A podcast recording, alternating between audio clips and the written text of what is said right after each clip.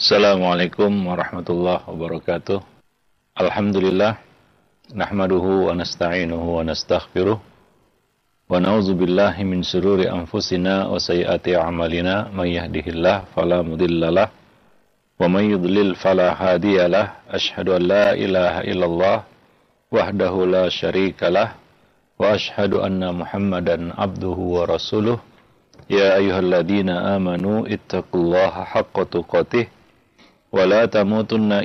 illa antum muslimun amma fa inna ahsanal kalami kalamullah wa khairal hadi hadi rasulillah sallallahu alaihi wasallam wa syarrul umuri muhdasatuhah wa kullu muhdasatin bid'ah wa kullu bid'atin dalalah wa kullu dalalatin finnar Para pemerhati roja kaum muslimin dan muslimat yang dimuliakan Allah, Alhamdulillah segala puji hanyalah milik Allah Rabb semesta alam pada kesempatan siang ini kita kembali bertemu dan masih bersama kitab Talbis Iblis tulisan Ibnul Jauzi.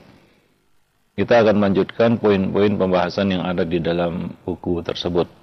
Dan pada kesempatan siang ini kita masih berbicara tentang salah satu sikap kaum sufi yaitu mereka meninggalkan salah satu sunnah Nabi yaitu nikah ya dan ada beberapa alasan mereka uh, meninggalkan sunnah Nabi ini.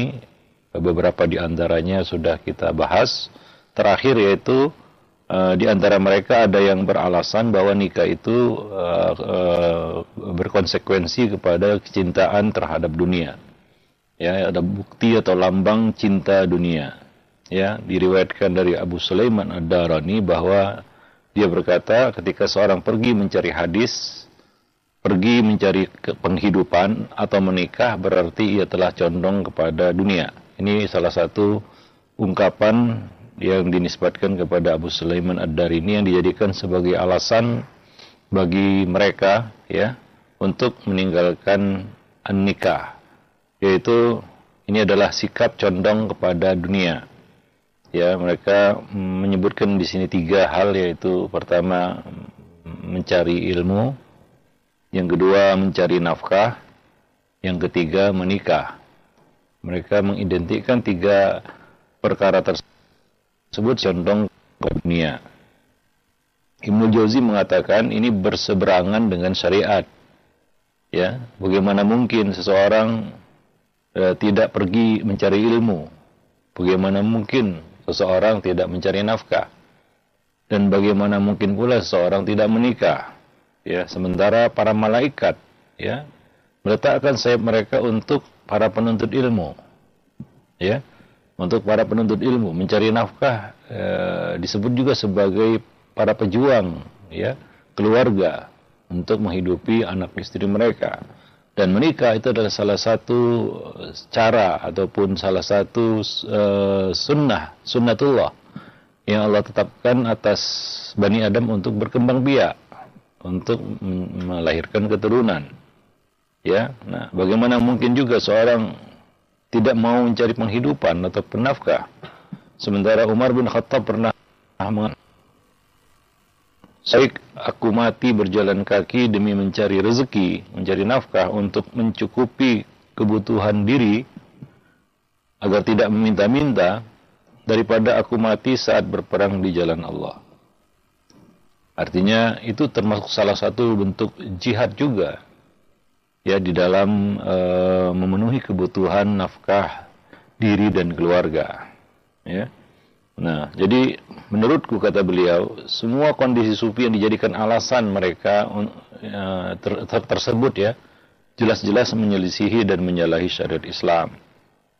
Adapun kelompok sufi generasi akhir, mutakhirin dari kalangan uh, sufiyah, mereka menyengaja tidak menikah supaya dikatakan sebagai orang yang zuhud. Ini salah satu alasan mereka yaitu supaya dikatakan dikategorikan sebagai orang yang zuhud dan mereka identikan zuhud itu dengan hidup menyendiri ya mengebiri diri menyendiri ya e, menjauhkan diri dari manusia motivasi tersebut dikarenakan umumnya orang awam yang akan mengagungkan seorang sufi ketika ada dalam kondisi tidak punya seorang istri pun atau tidak atau tidak menikah.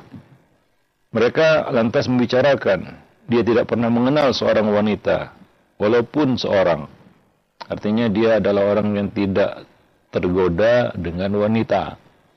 Ya, dan mereka lambangkan bahwa wanita itu adalah yang menjerumuskan Adam ya hingga keluar dari surga ya melanggar perintah Allah Subhanahu wa taala.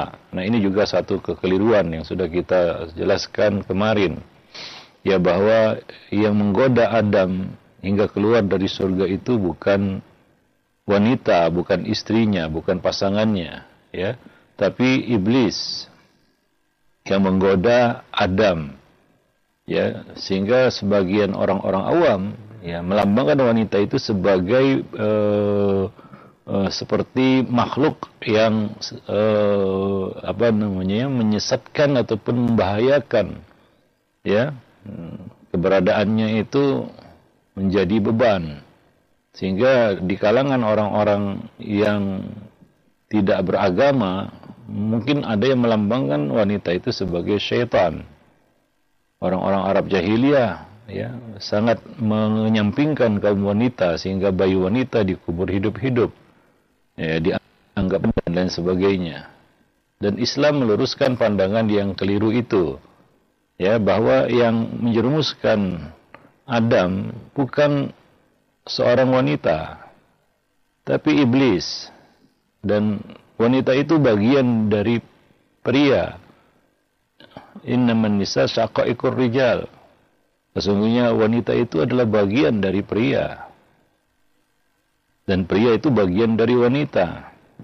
Ya.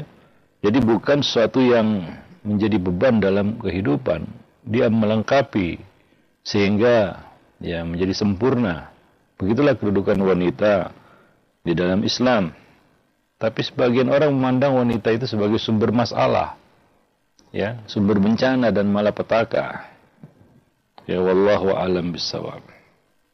Nah, jadi sebagian orang melihat ya bahwa orang yang tidak tergoda dengan wanita itu adalah orang yang zuhud. Atau dia tidak memiliki istri, dia adalah seorang yang zuhud. Ya. Nah, ini adalah pandangan yang keliru. Inilah yang disebut sebagai karahiban yang menyalahi dan menyelisih syariat yang dilakukan oleh umat-umat terdahulu dari kalangan kaum Nasrani. Mereka memilih hidup ya, dengan cara kependitaan atau kerahiban rahbaniyat dan ibtada'uha. Ya e, itu tidak ada di dalam Islam. Ya justru Islam menganjurkan ya penganutnya atau pemeluknya untuk menikah. Ya ada anjuran untuk ya menikah. Ya para para pemerhati roja kaum muslimin dan muslimat yang dimuliakan Allah. Ya salah seorang ya eh, tokoh sufi yang dijadikan perkataannya tulisnya sebagai uh, hujah atau argumentasi ya adalah Abu Hamid Al Ghazali ya uh, dia mengatakan seorang murid murid maksudnya di sini adalah istilah yang dipakai untuk orang-orang yang mengikuti ajaran tasawuf atau penganut sufi pemula ya ini dijelaskan oleh oleh beliau sendiri. Murid itu maksudnya adalah penganut e, sufi pemula. Sudah seharusnya tidak disibukkan dengan urusan pernikahan. Jadi ini menjadi satu syarat bagi mereka untuk menjalani suluk istilahnya. Yaitu e, e, kehidupan e, para sufi. Ya nah, dari awal memang sudah dijauhkan dari yang namanya pernikahan ya karena menikah menghalanginya dari suluk. Sekaligus membuatnya senang bersama senang ya saat bersama istri. Sedangkan siapa saja yang senang kepada selain Allah berarti dia telah melalaikan Allah. Nah ini pandangan mereka ya. Padahal ya kita tahu bersama kita ketahui bersama bahwa ya bermain bersama istri itu juga ibadah. Salah satu bentuk ibadah. Ya dilakukan oleh hamba yang terbaik yaitu Rasulullah Sallallahu Alaihi Wasallam. Ya, Nabi juga bermain-main dengan istri bersenang bersama istri. Dan itu salah satu tujuan menikah. Ya salah satu tujuan menikah yaitu membuat jiwa dan diri menjadi tenang. Ya karena manusia punya nafsu birahi yang perlu eh, diatasinya yaitu salah satu dengan menikah. Ya nah Ibnu Jauzi mengatakan saya benar-benar heran dengan pernyataan Al-Ghazali ini Apakah dia tidak tahu bahwa di, di saat seorang hamba berniat memelihara kehormatan diri, dia menjaga kehormatan diri, punya keinginan untuk memiliki anak atau menjaga kehormatan wanita, maka semua ini tidak menyimpang dari suluk. Semua keinginan ini tidak menyimpang dari suluk. Ataukah dia menilai bahwa merasa, merasa senang saat berada di dekat istri akan dapat menafikan senangnya hati dikala menjalankan ketaatan kepada Allah? Artinya apakah bersenang-senang bersama istri itu berarti melalaikan Allah Subhanahu wa taala. Ya, sementara Nabi me menganjurkannya. Salah, salah satu dari tiga permainan yang dimubah yang dibolehkan atau mubah adalah seorang laki-laki atau seorang suami bermain bersama istrinya. Ya, kalau hal itu melalaikan, tentunya Nabi tidak membolehkan atau bahkan menganjurkan. Ya, Allah Subhanahu wa taala mengatakan di dalam Al-Qur'an surat Ar-Rum ayat 21. Wa min ayatihi an khalaqalakum min anfusikum azwajan litaskunu ilaiha wa ja'ala bainakum mawaddatan wa rahmah. Dan di antara tanda-tanda kebesaran Allah Subhanahu wa taala adalah Allah Subhanahu wa taala menciptakan pasangan-pasangan untuk kamu dari jenismu sendiri yaitu dari kalangan anak Adam juga agar kamu cenderung dan merasa tentram kepadanya. Itulah pasanganmu lawan jenismu. Dan dia menjadikan di antara rasa kasih dan sayang rasa cinta dan kasih sayang Allah Subhanahu wa taala ya menjadikan ya hubungan antara laki-laki dan wanita dalam suatu akad pernikahan sebagai salah satu bentuk as-sakinah ya yaitu ketenangan ya ketenangan. Menja eh, seorang itu menjadi tenang ya dengan ya, memiliki pasangan. Itulah naluri fitrah sunnatullah yang telah Allah gariskan atas anak Adam ya.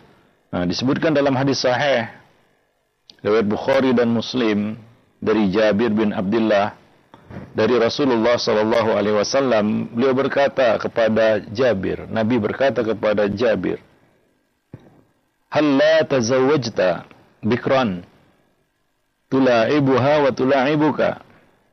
Mengapa kamu tidak menikahi perawan sehingga kamu dapat memanjakannya dan dia dapat memanjakanmu yaitu bermain-main bersamanya dan kamu bermain-main bersama bersama dan dia bermain-main bersama bersama kamu dan kamu bermain-main bersamanya.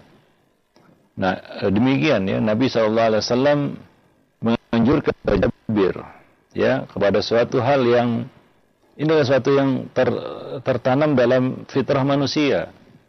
Ya. Nah, bersenang-senang dengan pasangannya. Dan Allah Subhanahu wa taala menjadikan ya Adam pasangannya sehingga dapat menikmati kehidupan sorga dengan sempurna. Ya, maka Allah ciptakan pasangan. Nah demikian. Ya, dan itu adalah sunnah yang berlaku atas anak Adam. Ya, Rasulullah Sallallahu Alaihi Wasallam melakukannya. Dan para nabi seluruhnya juga melakukannya. Ya, Rasulullah biasa bercengkrama dengan istri-istri beliau. Bahkan beliau pernah uh, berlomba lari dengan Aisyah ya bermain-main bersama istri-istri beliau. Apakah semua itu membuat beliau menyimpang dari kesenangan bersama Allah atau melalaikan Allah maka beliau mengatakan di sini Ibnu Jauzi mengatakan maka ini tidak lain merupakan suatu kejahilan ya kejahilan terhadap syariat bahkan jahil ya terhadap fitrahnya sebagai manusia dia mengingkari fitrahnya sendiri sebagai manusia. Setiap manusia pasti ada kecondongan kepada hal tersebut. membohongi dirinya. Kecuali dia ingin menyalahi fitrah tersebut. Maka Nabi mengatakan an-nikahu sunnati. Nikah itu adalah sunnahku. Dan sunnah para nabi dan rasul sebelum sebelum beliau juga. Dan itu adalah sunnatullah pada anak Adam. Dan Adam disempurnakan kesenangannya di dalam surga dengan Allah jadikan baginya pasangan. Ya, jadi dari eh, dari awal penciptaan manusia itulah fitrah yang ditanamkan Allah pada mereka.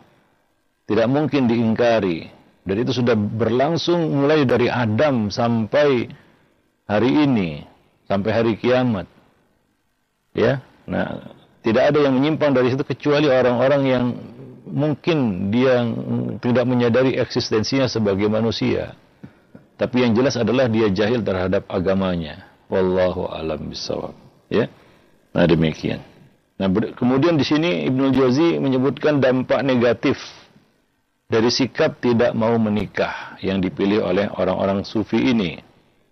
Beliau mengatakan, ketahuilah, di saat generasi muda sufi memutuskan tidak menikah, ya, menjauhkan diri dari yang namanya menikah, maka sikap ini menggiring mereka pada tiga keadaan. Dan si sudah mulai menjalar di kalangan generasi muda, yaitu senang hidup sendiri dan tidak memilih tidak menikah. Baik itu remaja putra maupun remaja putri. Sebagian orang sudah nyaman hidup sendiri. Ya. Dan merasa bahwa nikah itu adalah beban. Ya, masalah dalam kehidupan. Ya, maka mereka memilih untuk hidup sendiri.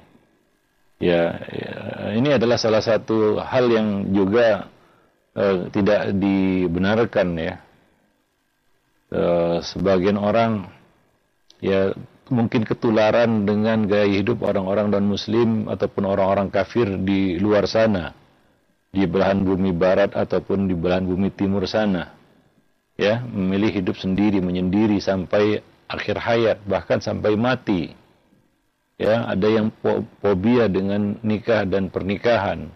Ada yang membenci membenci lembaga pernikahan dan lain sebagainya. Dan ini adalah satu hal yang menyimpang dari fitrah. Ya, beliau mengatakan yang pertama adalah ini dampak negatif dari sikap tidak mau menikah, ya. Pertama adalah sering sakit akibat tertahannya air mani. Ya.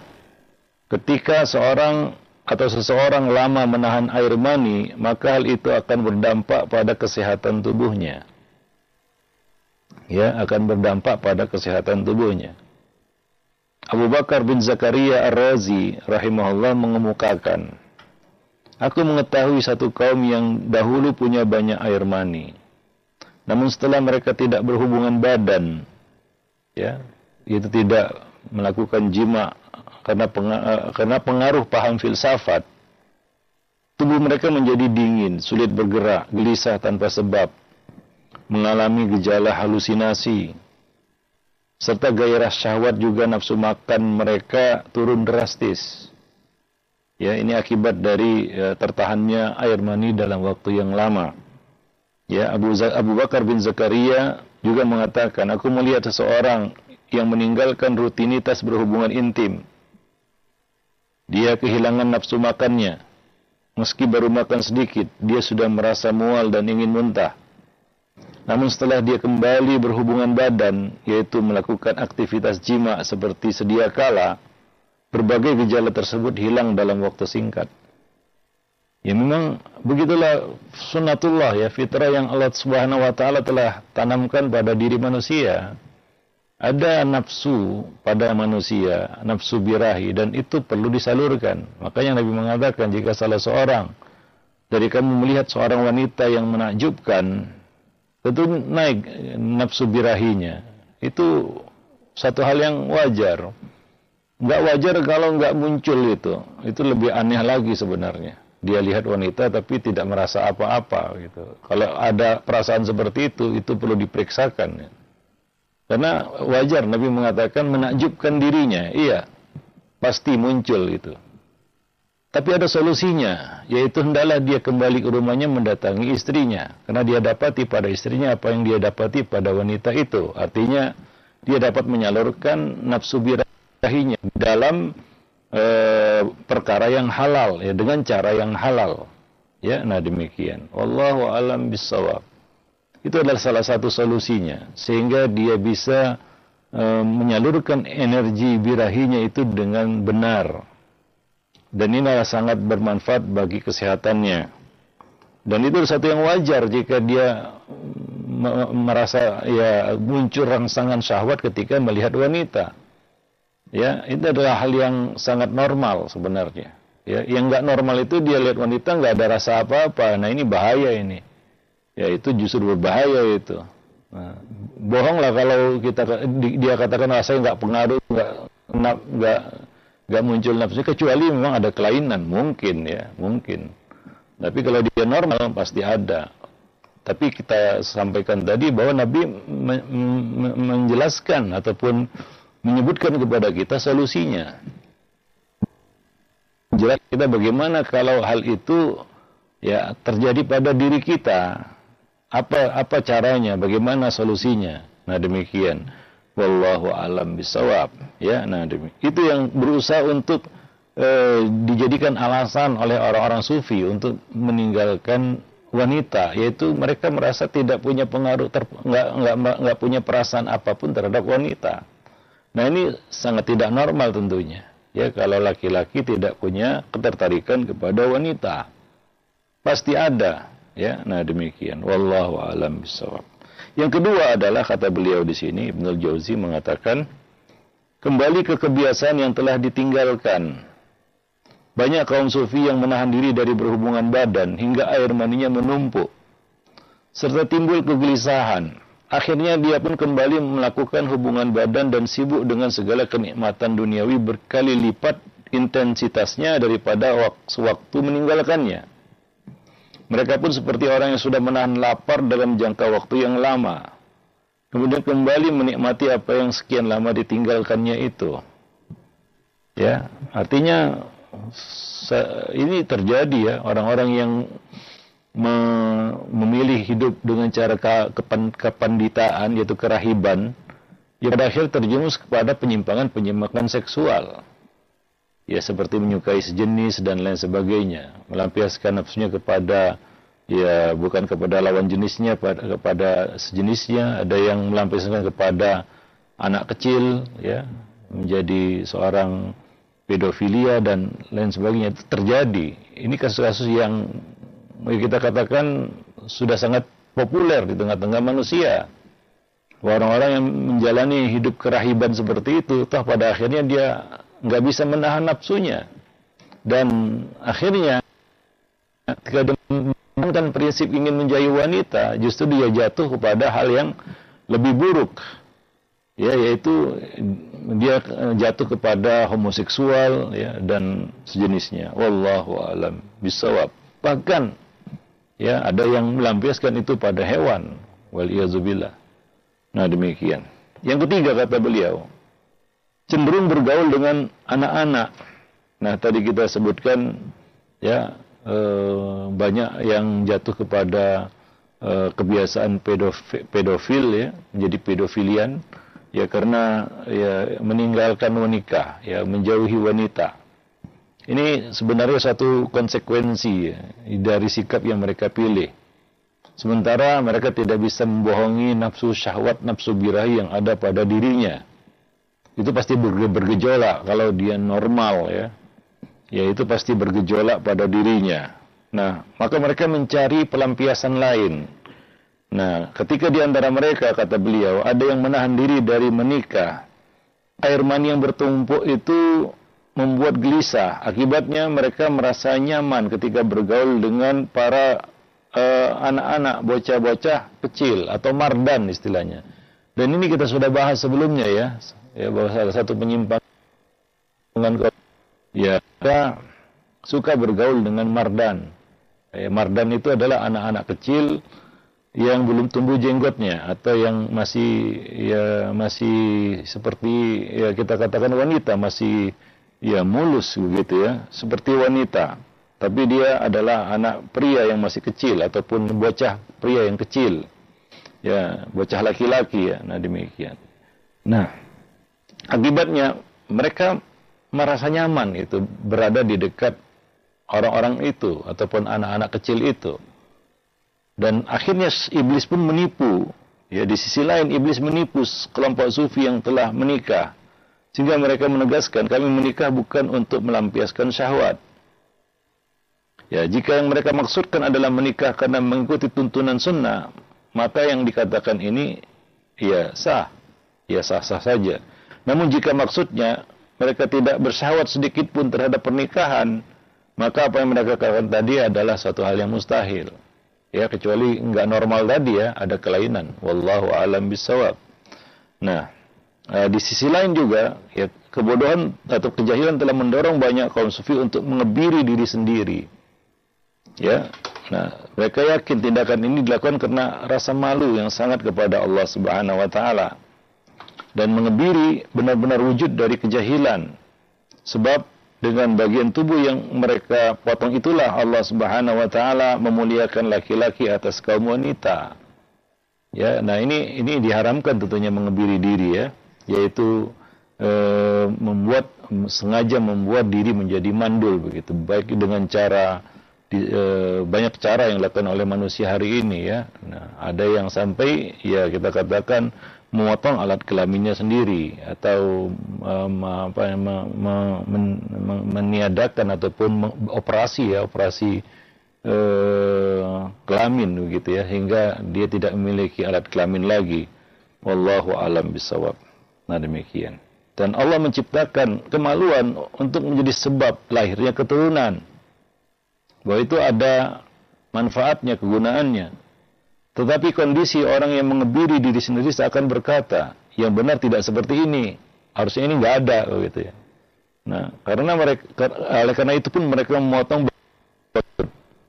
Nah, dengan alasan ini bisa memupus hasrat seksual yang ada dalam diri mereka, ya, sehingga ya mereka berhasil meraih tujuannya, yaitu tidak terpengaruh dengan uh, atau bisa meredam syahwat mereka.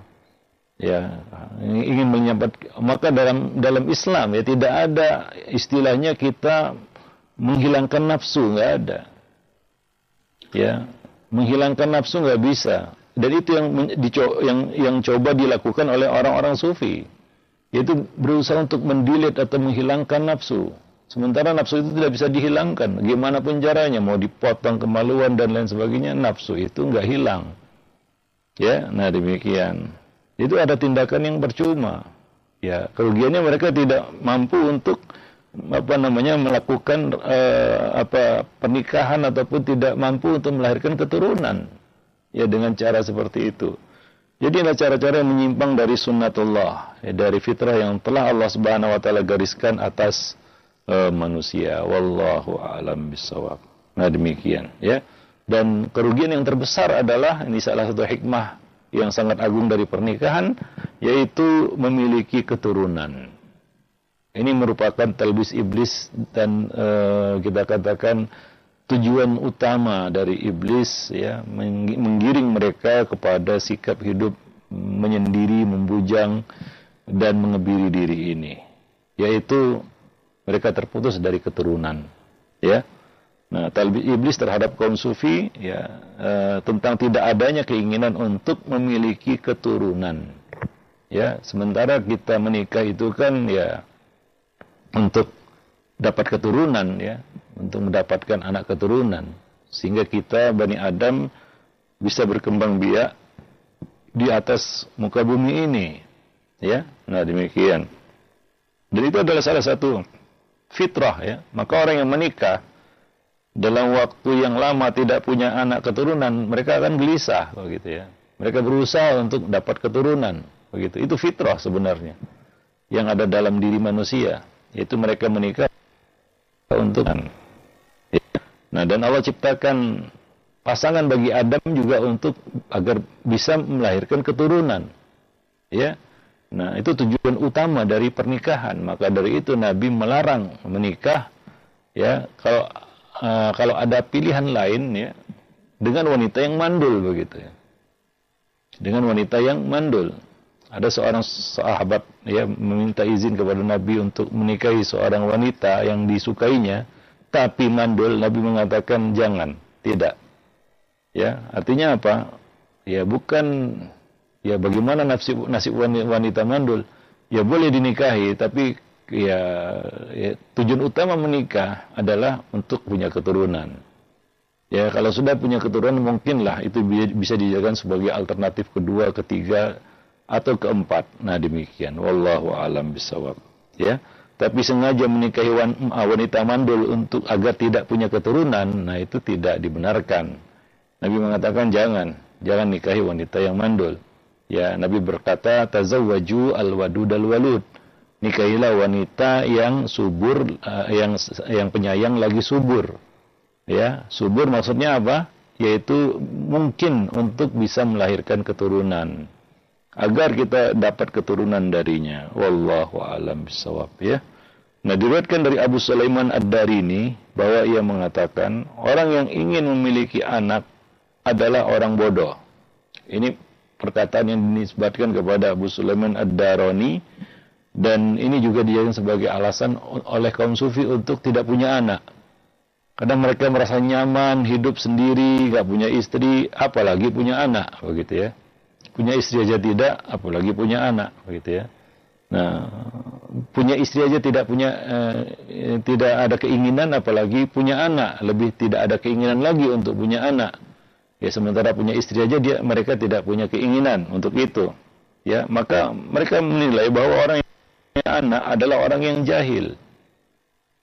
Tapi sekarang ini coba lihat sebagian kaum muslimin ya, ya sebagian kaum muslimin ya justru mengikuti cara hidup child free ataupun bebas anak istilahnya. Ya child free. Dan itu sebagai satu gaya hidup juga di di barat sana. Di tengah-tengah orang-orang kafir ya maupun di timur ya non muslim ada yang menganut ya eh, paham child free tadi sehingga eh, itu bahkan di luar sana dilindungi haknya orang-orang yang child free ini. Kalau mereka terganggu karena ada anak, maka anak itu harus disingkirkan begitu ya. Eh, sampai seperti itu ya membenci anak-anak begitu ya. Nah, ini adalah eh, kita katakan sikap yang benar-benar eh, tipu daya iblis terhadap manusia. Ya, dan orang-orang sufi ini ter, terjebak juga atau jatuh juga di dalam ya cara hidup seperti itu. Ya, Allahu alam. Ya Eh, mereka mengatakan ia tidak bermanfaat untuk dunia dan tidak pula bermanfaat untuk akhirat. Ya, saat ingin makan, tidur atau berhubungan badan, keinginan tersebut selalu menyusahkan diri sendiri. Begitu pula tatkala Anda beribadah, keinginan itu pasti mengganggu dirinya. Ya, keinginan punya anak, ini mengganggu, mengganggu ibadah. Ya, anak punya anak, ya, itu melalaikan. Lalu sebagian orang me, apa ya, menggunakan ayat-ayat yang tidak pada tempatnya mereka pahami. Ini seperti innama amwalakum amwalakum wa auladukum fitnah. Innama amwalukum wa auladukum fitnah. Lalunya harta kamu dan anak-anak kamu adalah fitnah. Ya, lalu mereka menjauhi anak-anak dan keinginan untuk punya anak dan menganggap bahwasanya keinginan punya anak itu mengganggu ibadah mengganggu perjalanan mereka menuju Allah Subhanahu wa taala. Nah, ini adalah satu yang keliru. Ya, kalau demikian ya nggak usah punya harta juga karena harta itu juga fitnah. Sementara ya nggak mungkin ya manusia di dunia ini hidup tanpa harta begitu ya. Dan itu yang mereka ya yang mereka uh, pilih kaum sufi ini. Mereka bahkan menjauhi harta sama sekali, tidak mencari nafkah. Ya, dan mereka menjauhi anak-anak dan salah satu cara uh, kita katakan pilihan yang mereka tempuh adalah mereka tidak menikah. Ya, nah demikian. Wallahu alam bisawab. Dengan alasan itu adalah fitnah. Ya tentunya firman Allah Subhanahu wa taala, "Innama amwalukum wa auladukum fitnah." Itu tidak bertentangan dengan perintah untuk wabtaghu fadlillah, carilah dari karunia-karunia Allah, mencari harta. Demikian juga punya anak. Ya. Nah, demikian. Ya, itu tidak bertentangan ya dengan firman Allah innama amwalukum wa auladukum fitnah sehingga coba dibenturkan itu ayat tersebut dengan ayat-ayat lain begitu yang menitahkan untuk mencari nafkah, mencari harta dan memiliki keturunan. Ya, wallahu alam bisawab. Ini adalah satu kesalahan di dalam memahami ya konteks syariat. ya, wallahu alam bisawab. Ya, sehingga ya ya dikatakan ya, ini ya tangan nggak ada gunanya ini maka kita potong aja tangannya. Saya hidup nggak usah pakai tangan. Nah, ketika tangan itu dibutuhkan, ya tangannya sudah nggak ada, gitu. Seperti itu. Ya, nah demikian. Maka eh, nas-nas syariat juga dipahami dengan benar ya, supaya tidak dibenturkan yang satu dengan yang yang lain. Wallahu alam bisawab. Ya, dan ya kita uh, sebutkan tadi ya bahwa salah satu di antara fitrah manusia adalah naluri yang Allah ciptakan pada manusia adalah mereka berpikir untuk me, apa ya me, e, melakukan sesuatu yang melanjutkan ya ya keberlangsungan hidup mereka di dunia ya dengan memiliki anak keturunan. Wallahu alam bisawab nah demikian para pemerhati raja kaum muslimin dan muslimat Allah. Kajian kita pada kesempatan siang ini mudah-mudahan bermanfaat. Aku lu qauli hadza astaghfirullah li walisairil muslimin innahu huwal ghafur rahim. Assalamualaikum warahmatullahi wabarakatuh.